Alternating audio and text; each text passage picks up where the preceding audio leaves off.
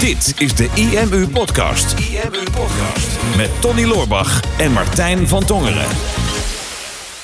Het is zover, Tony. Eindelijk, na al die jaren IMU, hebben we het er zoveel over gehad. Maar we gaan dit jaar met het team naar het Oktoberfest. Oktoberfest, ja, in München. Vet. Super vet. Ja man, dat is echt de laatste keer dat ik op het Oktoberfest was. Ik ben er twee keer geweest, in 2012 en 2013. En sinds 2013 heb ik al zoiets van, oh hier moet je een keer met je bedrijf naartoe gaan. Maar in 2013 nam ik mijn eerste personeelslid aan. Mhm. Dus toen had ik het idee al wel, maar nu is het 2019. We zijn inmiddels met 17 man. Ja, nu hebben we veel meer, veel meer mensen in dienst. En we gaan zowaar naar het Oktoberfest. Tenminste, Ja. we moeten de kaarten nog boeken, maar we hebben het net officieel in de groep gegooid. Ja, dat we- wordt lachen. We hebben besloten, we gaan het doen. En we gaan het vanuit het, eh, vanuit het team gaan we het gewoon organiseren. Vanuit het bedrijf. Voor een stukje teambuilding. Mhm. Ja, dat is misschien een typisch bedrijfsuitje om met z'n allen naar het Oktoberfest toe te gaan. Maar ik denk ook wel dat dit soort events de, de plekken zijn waarop weer een nieuw stukje chemie ehm, onderling gecreëerd gaat worden. Omdat je toch elkaar toch in een ander soort staat van zijn zal gaan meemaken. Nou, het is wel een hele goede manier om elkaar echt te leren kennen. Omdat ehm, het, eh, het eh, schilletje gaat er natuurlijk een beetje af. Hè. Kan zijn ook omdat er een beetje drank in gaat. Maar eh, nou ja, ik denk, ik moet niet gaan proberen om het record van de vorige keer te verbeteren. Ja, hoeveel liter bier had je vorige keer ook weer gedronken op één dag? 8,5. 8,5 liter, is gewoon ruim een krat bier. Ja, het zit me wel dwars, omdat we, zeg maar, toen... Mijn broer heeft toen 9 liter gedronken. En dat heeft, maakte me nog steeds belachelijk om, dat hij toen gewonnen heeft. Eh, dus, dus dat zit me nog steeds dwars. Ja, En, jij, eh, zei, jij, zei, jij zei net al van ja, maar dit keer dan ga ik het niet doen om, om dat record van vorige keer te breken. Maar je weet gewoon als, we, als je daar bent, als je daar bent met, ook met ons team, allemaal competitieve mensen.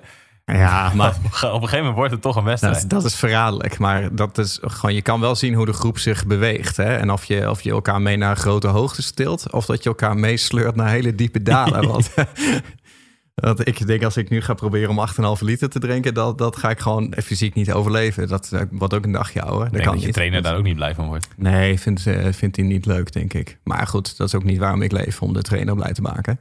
Maar goed, nee, maar het, weet je, het mooie van zo'n teamuitje is, en wij doen dat wel vaker, en we dachten laten we het eens over cultuur hebben, is dat ehm, ik weet niet eens of het heel veel uitmaakt wat je gaat doen. Maar we hebben de laatste tijd wel gemerkt dat als we iets gaan doen, dan moeten we wel echt een plan hebben. Het moet wel echt iets zijn. Ja. We zijn eh, een tijdje geleden zijn we met het hele team naar eh, Marbella geweest. En daarvoor zijn we naar Ibiza geweest. En we zijn een keer naar Gent geweest. En we zijn een keer naar de Ardennen geweest. We zijn een keer met z'n allen tien dagen door Californië gaan reizen. We zijn alle in Zuid-Frankrijk, in eh Joya geweest. We zijn met z'n allen naar eh, Florida geweest, naar Tony Robbins. We hebben best wel veel gedaan de afgelopen jaren. Ja. En het zijn elke keer ander soort tripjes. Ehm, en er zit elke keer wel een, een bepaalde magie in. Het is altijd goed voor de teambuilding. Maar je merkt toch wel dat als je iets heel eh concreet samen gaat doen. Dus ehm, samen naar zo'n seminar. Of in Joya was het dan, hè, die helweek die we samen deden. Mhm. Was het echt een programma in plaats van alleen maar in een villa zitten, drankjes drinken. En nu zou het dan zijn met z'n allen in lederhozen en dirndels op een festival. Waar je elkaar ook eh, uitzonderlijk goed in de gaten moet houden. Omdat er nogal wat bier in het spel is. Ja, Is ook heel gaaf. Je gaat Ja. zien hoe, hoe de verschillende personen zich inderdaad in de groep gaan bewegen. Van oké, wie is een leider? Wie moet er meegesleurd worden? wie, wie denkt, nou, ik stop nu even met een drankje drinken. Want volgens mij eh, heeft Tony er eentje te veel op. Ja, ja, dus stel als ik er een te veel op heb, dan moet jij er inderdaad mee stoppen. Waarschijnlijk wel, ja. Nee, maar ja, inderdaad, van wie, wie heeft het overzicht? Wie voelt de verantwoordelijkheid? Wie kent zijn eigen grenzen niet? Hè? Wie, ehm, wie overcompenseert? En, eh, en dat hebben we in andere tripjes natuurlijk ook wel eens gezien. Dat hè, sommige mensen die op de werkvloer bijvoorbeeld heel stil zijn en niet zo opvallen, dat die ehm, bijvoorbeeld op een tripje in het buitenland met een drankje op juist dat eh stille gaan compenseren. En dan juist bijvoorbeeld ineens heel eh, nadrukkelijk aanwezig zijn. En eh, dat is altijd interessant om te zien, want ehm, wat ik het voordeel vind van die cultuurtripjes is dat alles wat er eigenlijk onderhuid speelt op de werkvloer, dat wordt op zo'n tripje wordt dat extreem uitvergroot. Mhm. Dus ehm wij hadden bijvoorbeeld in Marbella, en dat is eh, ook waar net vandaag een artikel over verschenen is in het Financieel Dagblad. Super gaaf. Ik ga staan er gewoon op de, op de voorpagina van fd.nl. Nice. eh, met de titel Tony Loorbachs personeel doet niet aan regels.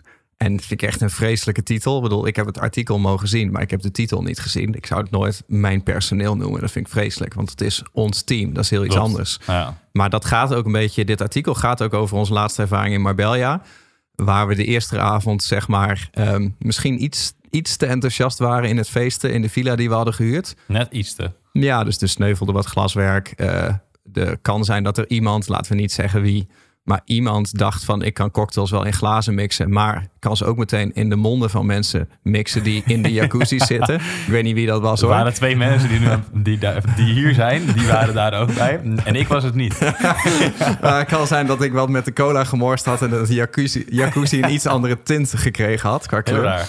Maar weet je, het, het, was een beetje een ravage de volgende dag, of zo leek het. En, uh, en, en het schokeffect was ook wel groot. Hè? En, en, daar gaat dit artikel ook over dat normaliter zou je heel boos zijn. Maar ik had juist zoiets van: oké, ik vind het niet cool, maar ik ben ook zelf verantwoordelijk hiervoor.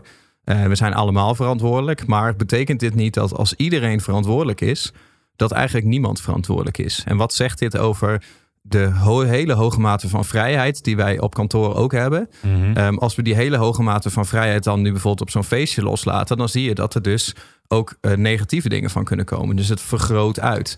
Ehm, en dat geeft echt een aanleiding om dan een gesprek te voeren van nou, zijn jullie eigenlijk allemaal wel zo blij met deze vrijheid? Um, hoe kunnen we elkaar controleren? Hoe kunnen we elkaar managen? Of zouden we toch aan de hiërarchie moeten denken? Hè? Zo zijn heel veel van dat soort vragen. Gaf heel nuttig gesprek. Ja, klopt. En wij hebben het toen daarvoor, voor het tripje, al eens met elkaar over gehad. Van hey, sommige mensen nemen hun vrijheid wel heel erg letterlijk. En, en je merkt dat de ene persoon daar beter op gaat dan de andere persoon. En dat heeft dan mhm. vervolgens weer invloed op de rest van het team. Als je ziet dat er een aantal mensen zijn die er misschien een soort van de kantjes ervan aflopen, omdat die vrijheid net iets te groot is misschien. Mhm. En inderdaad, op zo'n, als je dan op dat moment in het bedrijf wil gaan sturen daarop, dan wordt het heel erg moeilijk. Want dan ga je micromanagen van, ah, nee, ik vind dat je om uh, negen uur klokslag binnen moet zijn. Ja. En als je voor vijf uur de deur uit bent, oeh, dat is niet best. Klopt. Weet je wel? En zo willen wij het team helemaal niet sturen. Maar omdat het nu op, tijdens dat tripje inderdaad zoiets gebeurde, werd ineens een groepsgesprek van, hé, hey, wat is er Um, wat gebeurt er nou eigenlijk? En je zit weer met een big smile te kijken. Nee, ik moest terugdenken aan hoe ik dat, die cola in de monden zat te gieten. Maar okay. oh, nou heb ik toch gezegd wie het was.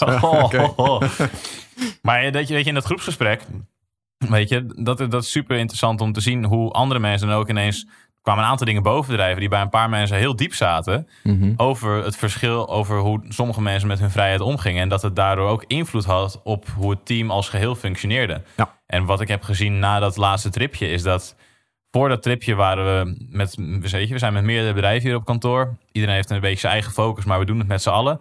Maar op een gegeven moment waren we een beetje doorgeslagen in het uh, splitsen van de functies en het splitsen van de bedrijven. En iedereen zat een beetje op zijn eigen eilandje te werken. En mhm. na dat tripje, toen dat zo is opengegooid in de groep. En jij en ik hebben dat toen al vaker geconstateerd. Maar het is heel moeilijk om dat van soort van bovenaf, tussen aanhalingstekens, weer te fixen. Maar omdat het toen in die groep kwam, merk ik dat sinds dat tripje, dat er ineens weer veel meer een algehele familiesfeer is. Dat iedereen weer veel meer met elkaar in contact is. En dat we mensen ook weer veel liever bij elkaar hier op de werkvloer zijn. Terwijl de vrijheid is nog steeds exact hetzelfde. Ja, maar er is een heel groot verschil tussen cultuur en management. Ja. En ehm, ik heb. Ik kan me herinneren dat toen ik 2013 begon met het bouwen van een team, toen dacht ik nog niet aan het bouwen van een cultuur. Toen dacht ik aan het aannemen van mensen en het uitbesteden van werk. En toen ging ik ook heel anders met die eerste personeelsleden om dan wat ik later heb gedaan. Want um, op het moment dat je mensen gewoon alleen maar aan het werk zet en je geeft ze een functie en je kadert ze in van hé, hey, je moet er zo laat zijn, want dat is nou eenmaal zo. Dus je mhm. moet er stipt om negen uur zijn. Als jij er om vijf over negen bent, dan zou dat minder goed zijn. En je, moet, je mag pas om vijf uur mag je weg. En je moet deze functies allemaal wel doen. Doe dit vooral wel en doe dit vooral allemaal niet. En als je iets goeds doet, dan is het oké. En als je iets fout doet, dan zeg ik daar wat van. En dat is hoe het vaak gaat. En wat je dan krijgt, is dat je een soort van klaar-over effect hebt. Dus, dus uh, ik word ineens een, een, manager, ik word een leidinggevende, want ik heb iemand onder me. Dus ik trek nou mijn uh, oranje hesje aan, nou heb ik ineens een soort van gezag. En nou ga ik overal wat van vinden, ga ik mensen micromanagen. Maar, maar dat is natuurlijk niet een cultuur, en dat is management. En ik merkte op een gegeven moment wel van oké, als je echt, echt wil los kunnen laten, dan zal iemand anders de verantwoordelijkheid moeten overnemen van jou. Mhm. En als iemand anders de verantwoordelijkheid over moet nemen, ja, dan doet zo iemand alleen maar als diegene ook een bepaalde autonomie voelt, hè, dus een bepaalde handelingsvrijheid. Ook uh, erkenning krijgt voor hetgene wat hij doet. Ook voldoening haalt uit wat hij doet. Um, en um, uh, daar, daar vervolgens dan ook de volledige verantwoordelijkheid voor neemt. Dus dat waren een beetje de pilaren toen van ik wil uh, verantwoordelijkheidsgevoel, ik wil autonomie en ik wil loyaliteit. Dat waren de mhm. drie dingen. En ehm, daar ben ik toen op ingericht. En daar horen dan tripjes zoals met z'n allen naar Tony Robbins toe. Dat hoorde daarbij. Hè? Want dat was bedoeld om uh, te ontwikkelen. Of naar California hoorde daar ook bij. Of Joya hoorde daar ook bij. Ehm, maar als je gewoon puur gaat reizen om het reizen. En dan is het een compensatie van we werken zo hard, dus we moeten ook heel hard ontspannen. En dat is ook een beetje de verkeerde kant. Dus ik denk dat je heel erg na moet denken over wat voor cultuur wil ik hebben. En waarom doen we de dingen die we doen? Um, en daar dan vervolgens aan te gaan bouwen. In plaats van te corrigeren op alles wat jou niet goed uitkomt. Ja, want dan ga je ook zien met wat voor personen je in je team hebt. En of dat de juiste personen zijn. Want mm -hmm. dat klaar-over effect, dat weet ik ook nog wel op een gegeven moment. Dat ik dan chef de manager was hier bij de IMU. En um, er waren toen eigenlijk, het waren maar een paar personen. Twee personen die, die echt een beetje de kantjes ervan afliepen. En dat, dat zag je ook terug in het werk. Mm -hmm. En dat zag je ook in hoe laat ze op kantoor kwamen. En hoe vaak ze pauze hielden tussen aanhalingstekens. En hoe vaak ze aan het babbelen waren. En vroeg naar huis. En eh, weet je, Mhm. gewoon niet, niet de juiste visie. Maar daar dan ging sturen op de symptomen. Dus Mhm. hè, hey, zorg dat je, dat je op tijd op kantoor bent. En ehm, kijk wel of je, of je werk op, op tijd afkomt. En ik zie dat er nog een paar mailtjes staan. En ik zie nog zus, ik zie nog zo. En dat was heel erg op de symptomen sturen. Terwijl Mhm. daar, daar onderliggend zit er natuurlijk iets heel anders onder. Maar als Ja. je dan het hele team op een paar mensen gaat... eh, als je het hele team op die symptomen gaat sturen... waarvan twee mensen de kantjes ervan aflopen... dan ga je andere mensen in het team... merkte ik ineens van... ah, die denken, ja, uh, wat doe je nou moeilijk? Weet je, het Ja. gaat toch gewoon allemaal lekker, het gaat toch allemaal goed? En toen hebben wij het er toen twee weken daarna ook met elkaar over gehad. En toen dacht ik, ja, inderdaad, het gaat eigenlijk om twee personen. En dat kan je ook veel beter één op één met die mensen gaan, eh, gaan oppakken. Om te zien van hé, waar wil je nou naartoe? Waar word je blij van? Hoe kunnen we ervoor zorgen dat jij in je functie blij wordt? Ja. En dat vervolgens ook weer vervolgens in de cultuur meenemen. Zodat je iedereen op de juiste plek neerzet en de juiste personen hebt. En met zo'n tripje ook merk je uiteindelijk... als er dan een aantal mensen tussen zitten die er eigenlijk niet goed tussen passen... Mhm. dat hebben we ook een keer gehad met een teamtripje... dat we toen merkten, oeh, Mhm. eentje die past eigenlijk helemaal niet goed in de groep. En toen Mhm. kwamen er ook een aantal gesprekken naar voren... Waarin, Ja. waarin dat weer naar voren kwam. Dus het vergroot inderdaad uit wat er op de werkvloer al gaande is... Maar het wordt ineens door iedereen gezien en het wordt door iedereen gevoeld. En dat zorgde ervoor dat, dat we als team weer een stuk sterker waren. Ja, dus het, het vergroot uit. Ehm, en het is ook van, wij constateren af en toe dat sommige mensen niet goed met vrijheid kunnen omgaan. Eh, maar dat is niet per se de juiste constatering. Ze kunnen heel goed met die vrijheid omgaan. Misschien beter dan dat wij zouden willen. Alleen ze voelen de verantwoordelijkheid er niet naast. En grote vrijheid gaat altijd gepaard met hele grote verantwoordelijkheid. Maar heel veel mensen denken, en dat is ook een beetje de, de tendens in de huidige persoonlijke ontwikkeling, dat elke vorm van verantwoordelijkheid gepaard gaat met een indamming van de persoonlijke vrijheid. Hè? Of wat meer verantwoordelijkheidsgevoel ik heb, des te minder persoonlijke vrijheid ik heb. Maar dat is niet per se zo. Hè? Ik heb altijd heel erg geloofd dat die twee juist samengaan. Hè? Ja. Dat, je, dat je niet vrij bent door onafhankelijk te zijn. Je bent niet vrij door los te zijn van de groep. Je bent juist vrij door heel erg in contact te zijn met de groep. hè. Je voelt je juist vrij als je ehm, volledig op andere mensen kan vertrouwen. En als je volledig akkoord bent dat je in je leven ook volledig afhankelijk bent van andere mensen. Dat is echte vrijheid. Ja, En dat willen wij in het team natuurlijk ook. Dus die vrijheid kan heel hoog zijn. Maar dan moet ook de verantwoordelijkheid heel hoog zijn per persoon. Ehm, en dan moet eh, het groepsgevoel heel sterk zijn. Dat iedereen weet dat ze 100% kunnen vertrouwen op de personen om zichzelf heen. Nou, en verantwoordelijkheid krijg je alleen maar als je iemand niet een functie geeft, maar een verantwoordelijkheid. Dus dat je zegt van jij bent verantwoordelijk voor dit gedeelte van het bedrijf. In plaats van dit is jouw functie en dit is jouw exacte takenpakket. Want dan zal iemand nooit zijn functie of takenpakket ontstijgen. Maar als je zegt van jij bent verantwoordelijk voor onze supportafdeling of jij bent verantwoordelijk voor onze contentstrategie. En hier moet het uiteindelijk naartoe. Dit zijn de resources die je tot je beschikking hebt en maak er maar wat moois van. En je geeft iemand autonomie. En dan gaat iemand het groter maken dan dat jij het zelf had kunnen doen. En dan groeit je bedrijf aan alle kanten. En dat, dat is denk ik een beetje het verschil. En wij merken dan af en toe ook wel van, nou, sommige mensen hebben moeite met vrijheid, omdat ze eigenlijk niet precies weten wat hun verantwoordelijkheid is. En daar Mhm. kunnen we dan op gaan sturen. ja, klopt. En ik denk wat daarbij ook gepaard gaat, is een stukje vrijheid wat wij ook geven vanuit, eh, vanuit hoe wij met het team omgaan. Ik bedoel, Mhm. we zijn de afgelopen periode is er echt een, eh, een regen van eh, break-ups geweest met relaties van eh, mensen die, die, hier, die hier bij ons werken. En ja, dat komt gewoon natuurlijk omdat mensen zo hard groeien als ze bij ons werken, dat ze Ja. de relatie ontgroeien. Ja. Dat, ja, klopt. Ja. Ja, ik denk wel Ja, de dat dat een van de redenen mee, is. ja. Ja. als de relatie niet meegroeit. Maar goed, dan, dan staat er hier een iemand uit het team, staat, staat in tranen hier, hier, hier bij mij. En die van ja, maar ik wil nog wel, ik moet nog wel werken en ik wil nog dit doen, ik wil nog dat doen. Ik denk, ja, Mhm. ben heel blij dat je dat heel graag wil doen. Ik zeg maar, ga alsjeblieft naar huis. Weet je, want weet je, je, je zit zelf zit je helemaal niet lekker in je vel nu. Ehm, je zou hier achter de computer niet lekker in je vel zitten. Je gaat datgene wat je wil doen, ga je ook niet op een goede manier kunnen doen. Dus het gaat voor jezelf niet fijn zijn, gaat voor ons niet fijn zijn. Pak alsjeblieft je tijd. Mhm. Ga lekker eventjes iets doen waar je blij van wordt. Als je juist blij wordt van onder de mensen zijn, onder ons team zijn, blijf dan lekker hier. Maar ga juist liever even met vriendinnen of naar je ouders of wat dan ook naar buiten. Doe je ding en kom weer terug als je er weer klaar voor bent. En dan nemen mensen gewoon een paar dagen de tijd. En ik heb dat zoveel liever dan dat ze hier tegen, tegen wil en tegen hun eigen zin eigenlijk gaan zitten omdat ze hier moeten zijn. Denk, ja, wij geven die vrijheid dat ze die tijd kunnen pakken. En daarna merk ik ook dat die mensen die weer zijn teruggekomen, dat ze weer echt juist vol energie en weer super graag aan de slag gaan en, het, en zelfs hun eigen functie weer naar een volgend niveau tillen, omdat ze privé minder zorgen hebben. Ja. Want ik denk ook dat, dat alles wat bij jou privé speelt, dat het een enorme impact heb, heeft op, op het werk wat je doet en op je werksfeer. Dus maar omdat dat dat, samen, dat samenkomt eigenlijk bij ons op de werkvloer, denk ik, ja, ik heb liever dat mensen ehm, niet gaan werken als ze emotioneel of mentaal er niet lekker in zitten, dan dat ze niet gaan werken als ze griep hebben. Denk, ja, als je koorts hebt of een beetje hoofdpijn, dan kan je vaak nog wel functioneren. En wat je ook ziet bij ons team, als iemand ziek is, dan zeggen wij, nou, hè, blijf lekker ziek thuis. Maar 99 van de 100 keer, dan gaan die mensen gewoon thuis werken. Ja. Maar ja, als je mentaal of emotioneel er niet lekker in zit, ja, ga dan alsjeblieft echt voor jezelf zorgen, want dat is het allerbelangrijkste. Ja, maar het gaat, het gaat over twee dingen. Weet je, het gaat over intentie en over vertrouwen. Eh, of in eerste instantie vanuit jou of vanuit mij dan ehm, in hoe je mensen aanstuurt. Kijk, wij hebben natuurlijk de intentie om het bedrijf tien of honderd keer zo groot te maken. En daar hebben we ook een bepaald beeld bij van hoe zou zo'n team er dan uit moeten zien. En wat zou iedereen dan moeten doen.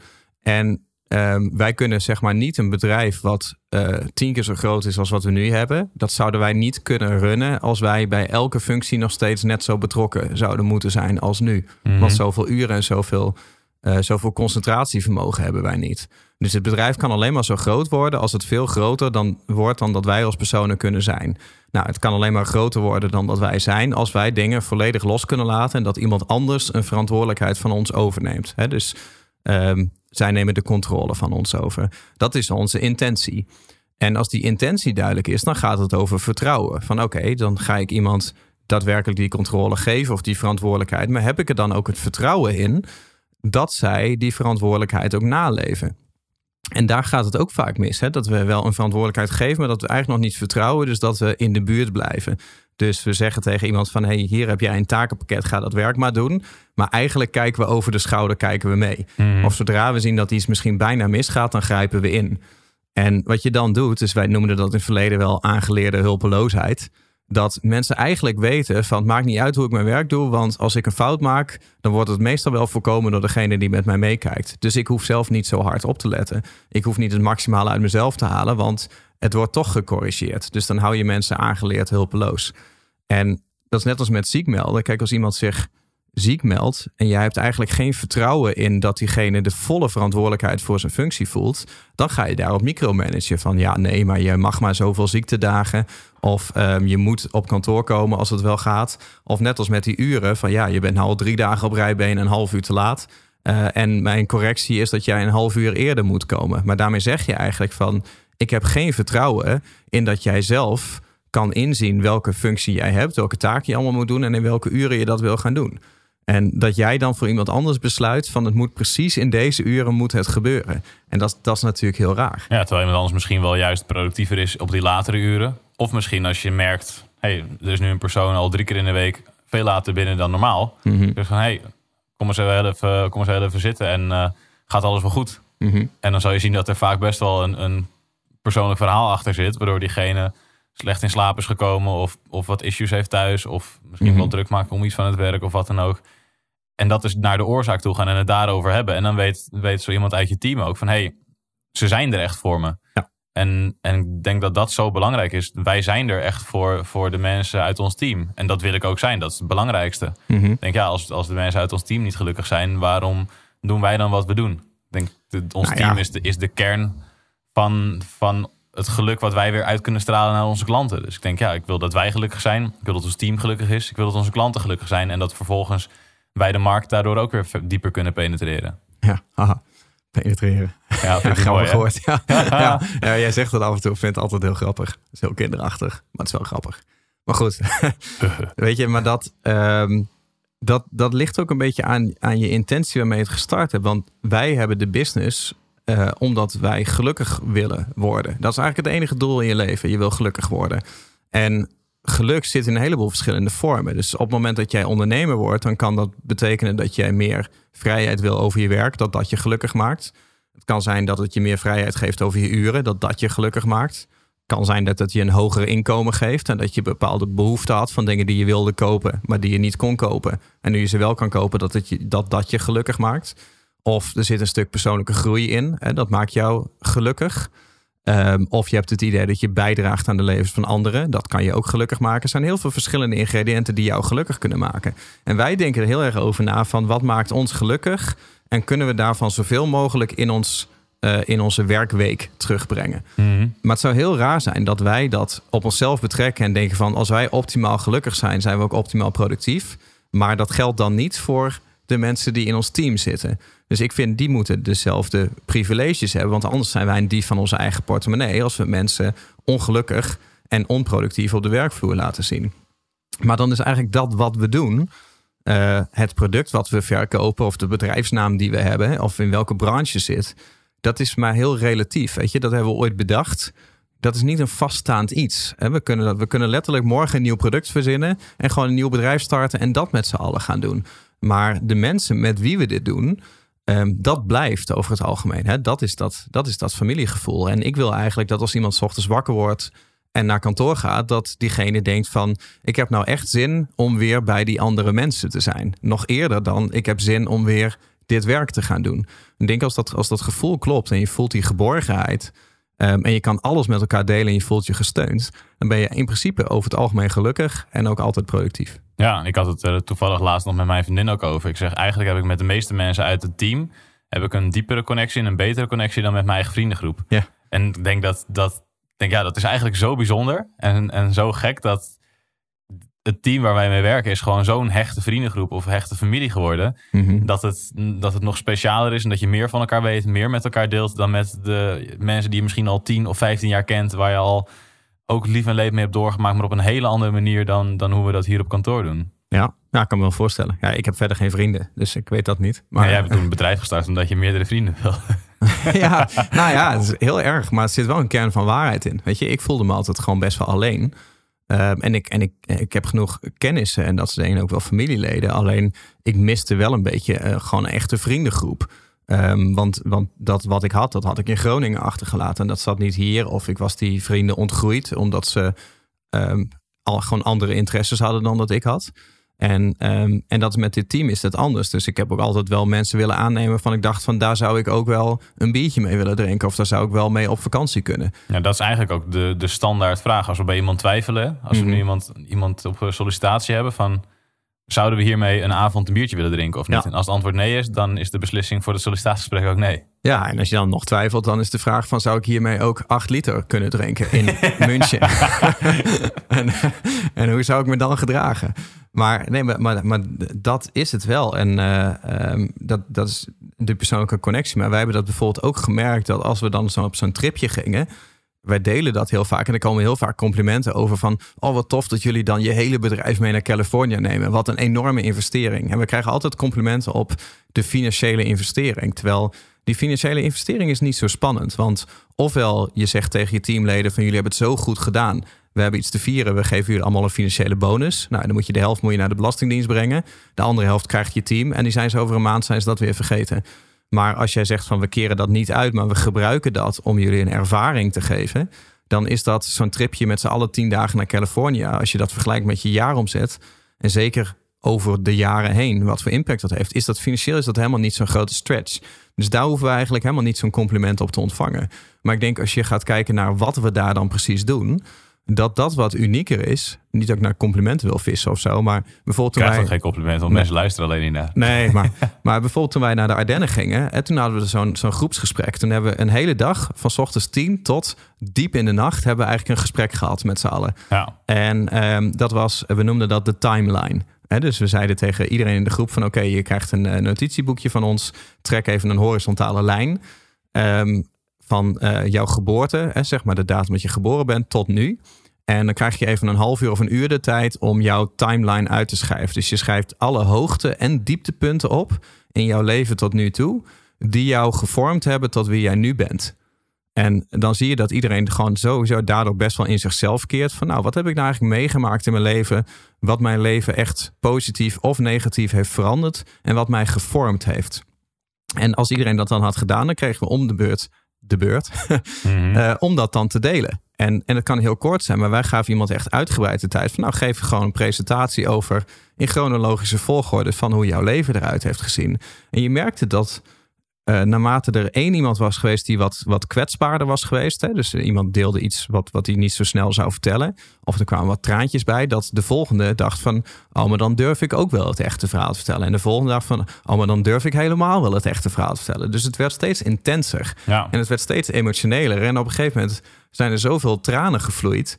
Dat het niet alleen voor een bepaalde magie zorgt. Maar dat mensen ook dingen aan hun collega's hebben verteld. Die ze niet eens aan hun vrienden en aan hun familie hebben verteld. Ik Denk, hoe magisch is dat? Dat je geborgenheid kan bieden. Dat mensen gewoon weten van ik ga naar een groep mensen toe. Die mij echt misschien wel beter kennen dan mijn vrienden en familie. Ja, klopt. En het zorgt ook weer voor dat je sommige gedragingen van sommige mensen ineens veel beter snapt. Van Mhm. waar, waar komt iemand vandaan en wat zorgt er eigenlijk voor waardoor die persoon is geworden wie die nu is. Ik weet ook, ik kan dat weekend nog heel goed herinneren. Het was een heel intens emotioneel weekend. En ook de tripjes daarna inderdaad, naar bijvoorbeeld naar Joya. Dat is Mhm. ook zo'n trip waar, de- waar de tranen rijkelijk zijn gevloeid.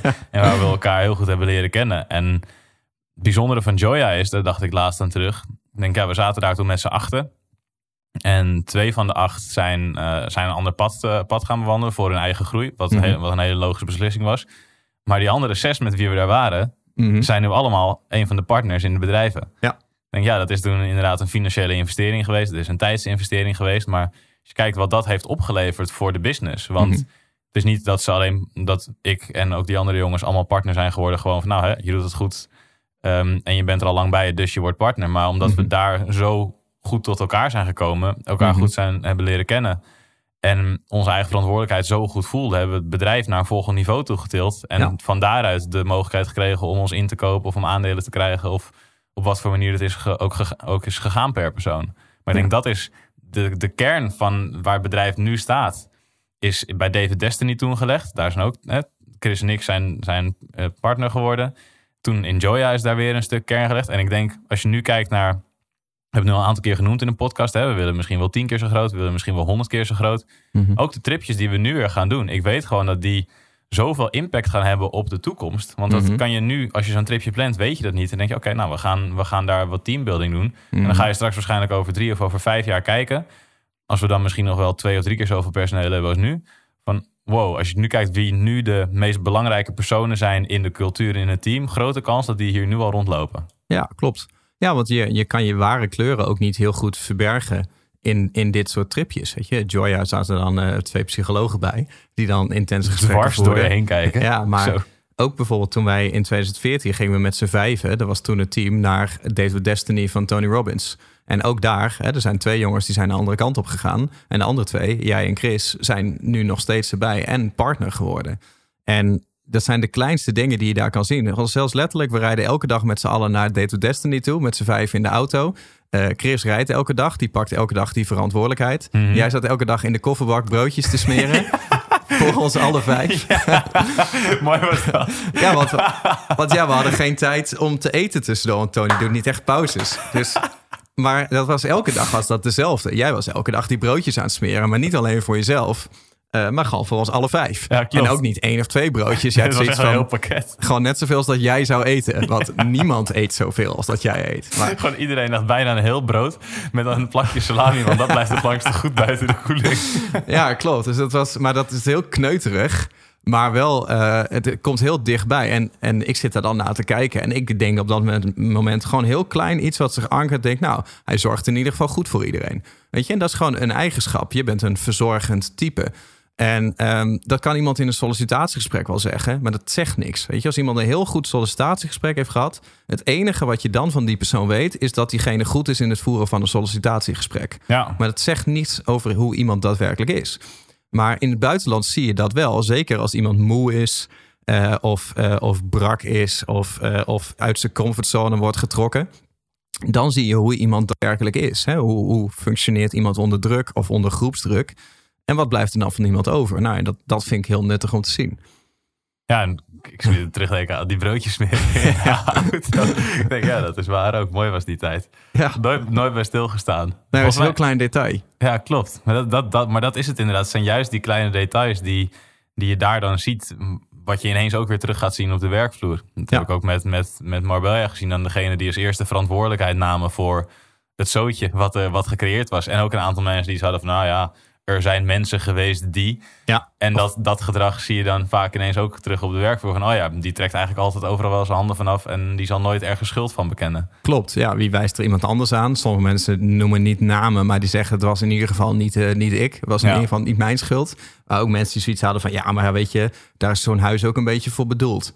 Hè? Dus ik denk, ja, oké, okay. gaat helemaal een stap verder. Maar en, en, dat, en je moet het nooit zo letterlijk nemen dat je denkt van nu ga ik iemand hier helemaal op afrekenen. Alleen je leert elkaar kennen. En um, dat is denk ik het verschil tussen. Um, je hebt enerzijds management, hè, dat is hoe het vaak in de corporates gebeurt. Dan is het niet meer mensen die met elkaar omgaan, maar dan zijn het functieprofielen die met elkaar omgaan. En die doen al management volgens het boekje. En die zijn alleen maar bezig met de erkenning van de manager, maar niet met het resultaat wat zij uh, willen halen. Of misschien zelfs dat nog wel, maar niet met de ontwikkeling van de persoon die zij aansturen. En dan heb je cultuur zoals het vaak wordt gezien. Van we hebben een hele goede cultuur, want we hebben dikke lol met elkaar. En we gaan ook af en toe met elkaar bier drinken. En we gaan af en toe met elkaar uit eten. En we zijn ook wel eens op reis geweest. Dat is ook leuk. Maar dat is niet per se meteen cultuur. Dat is gezelligheid samen.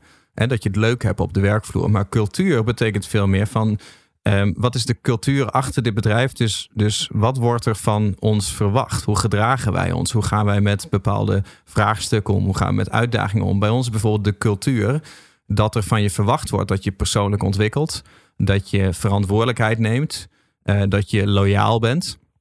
En dat uh, je een steunpilaar ook voor de mensen om je heen bent. Dat is veel meer de cultuur dan die holle schilder omheen van we gaan samen af en toe op reis. En ik denk dat daar de grote magie zit. En gelukkig doen steeds meer bedrijven het. Hè. Netflix is ook zo'n voorbeeld.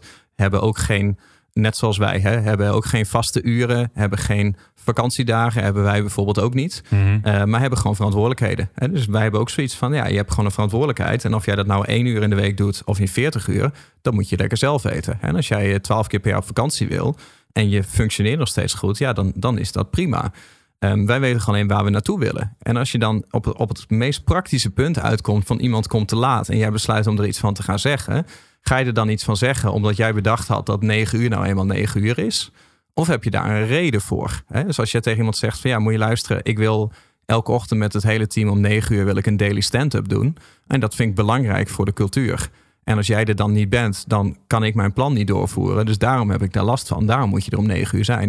Dat is een hele andere uitleg dan, ja, eh, we beginnen eenmaal om negen uur en als je te laat bent, dan ben je te laat. Want dan heeft iemand zoiets van, ja, weet je, dikke vinger. Dan oké, dan ben ik er stipt om negen uur, maar dan ga ik dan gewoon lekker zitten patiënten. Dan voldoe ik wel aan de regels, maar dan lever ik niks op. En daar zit heel groot verschil tussen. Ja, precies. Dus het gaat om de visie die je hebt voor, voor jezelf. Het gaat om de visie voor je bedrijf. En kijken of datgene wat je voor jezelf aan het creëren bent, of je dat ook voor de mensen om je heen kan creëren en wil creëren. Misschien dat er ook mensen zijn die luisteren, ja, uh, ik wil het juist heel graag in strakke regeltjes en functies. Ook prima natuurlijk. Als dat voor jou heel goed werkt, dan moet je dat vooral doen. Alleen ja, jij en ik worden gewoon heel erg blij van als de mensen om ons heen zich ook kunnen ontwikkelen. En uiteindelijk mhm. betaalt dat zich ook weer uit voor het volledige bedrijf. Omdat mensen die met ons bedrijf in contact zijn ook in contact komen met al die blije eieren, net zoals dat, uh, dat wij zijn. Of ik ben. Ja, klopt. Wat ja, ja, ja, dat voert wel een beetje door. En ja. uh, weet je, we, bij onze cultuur, ik denk ook wel dat wij gemerkt hebben dat uh, het, het, het, type persoon wat wij de laatste paar keer hebben aangenomen, is niet meer het type persoon wat we voorheen aannamen. Want we willen ook niet allemaal alleen maar dezelfde types hebben. We hebben ook juist nu mensen erbij zitten die heel anders zijn dan dat wij zijn. En dat vind ik juist ook weer heel gaaf om te zien hoe die verschillende culturen samenkomen. Het belangrijkste is dat, dat, dat iemand het hart op de juiste plek heeft zitten. Ja. Dat, dat, dat is een van, de, van de kernelementen. Zei je? Ja, links voor. ja. ja, het hart op de juiste plek, de juiste intenties. En niet eens altijd per se de, de beste skills of zo. Hè. Weet je, we, kijken ook wel eens, we hebben ook wel eens een paar kandidaten gehad... waarbij de ene veel beter cv had... en qua skills misschien al veel beter ingezet kon worden... maar dat we een mhm. beetje, klein beetje twijfelden over hoe zou deze persoon in het team passen? Hoe zou deze aan zo'n tafel in Joya zitten? Of hoe zou die een biertje meedrinken of acht liter bier meedrinken op het Oktoberfest? Ehm, en een, een, andere die qua skills misschien nog minder ver was. Wel de potentie had om die skills te leren. Maar qua persoonlijkheid dan van oké, ja, die kan je er meteen bij zetten. Dat is meteen gewoon, die hoort erbij. Gesneden koek, die, eh, die gaat met alle tripjes mee. En dat wordt gewoon een steun en toeverlaat voor iedereen. En dan kiezen we eigenlijk altijd voor die persoon. Want skills zijn aan te leren. Maar zo'n persoonlijkheid is veel moeilijker aan te leren. Klopt. Dus ik denk, je hebt in deze podcast, je hebt zeg maar de, de diepere achterliggende kant gehad. Dus als je het echt gewoon een cultuur wil bouwen op uh, autonomie en op loyaliteit en op verantwoordelijkheid en hoe dat zeg maar werkt. Maar er is ook een, eigenlijk een hele simpele manier. En dat is eigenlijk hoe we begonnen zijn. En zo eindigen eigenlijk ook dat op het moment dat je een tripje gaat plannen met je team. Um, dan doet dat vaak wonderen. En dat is ook de ultieme test eigenlijk voor of je iemand wil aannemen of niet. Dat je eigenlijk gewoon inbeeldt van oké, ik zit met iemand in sollicitatiegesprek. Vraag 1, zou ik een biertje met deze persoon gaan drinken? Zo nee, dan moet je eigenlijk stoppen met het gesprek. Of dan moet je iemand niet gaan aannemen. Zo ja, dan denk dan eens iets verder van stel nou, we gaan met z'n allen naar Oktoberfest. En we worden compleet random aan zijn grote biertafel gezet met het hele bedrijf van nu. En deze persoon. Zou ik dan erg vinden dat ik toevallig naast deze persoon beland, urenlang? En dus urenlang met deze persoon alleen maar praat? Of uh, zou me dat helemaal niet uitmaken wie er nou feitelijk naast me zit van het hele team? En zolang het je helemaal niet uitmaakt wie er van het team naast je zit, dan denk ik dat het heel erg klopt. En als er iemand bij zit waarvan je denkt van nou ik hoop dat die aan de andere kant van de tafel gaat zitten, dan klopt er iets niet.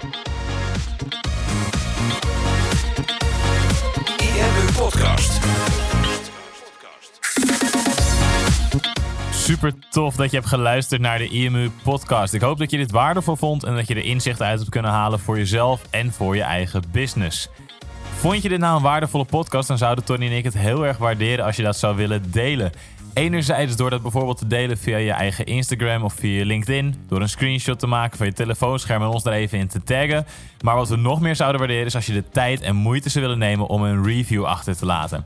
Werk je met een Apple-telefoon, dan kan je dat doen binnen je eigen podcast-app door daar een review te geven. Geef ons een x aantal sterren met daarbij een korte motivatie wat je van onze podcast vindt. Zouden we echt enorm waarderen als je die tijd zou willen nemen. En werk je met een Android-telefoon, dan zie je dat, daar, eh, dat de meeste apps geen review mogelijkheid hebben. Wat we dan heel erg zouden waarderen is als je op Google IMU zou willen intypen en vervolgens via de Google Review sectie iets zou willen vertellen over de IMU, wat je van ons vindt en wat je aan onze podcast hebt gehad. Alvast heel erg bedankt en ik hoop natuurlijk dat we je volgende week weer mogen verblijden met een volgende aflevering van de IMU podcast.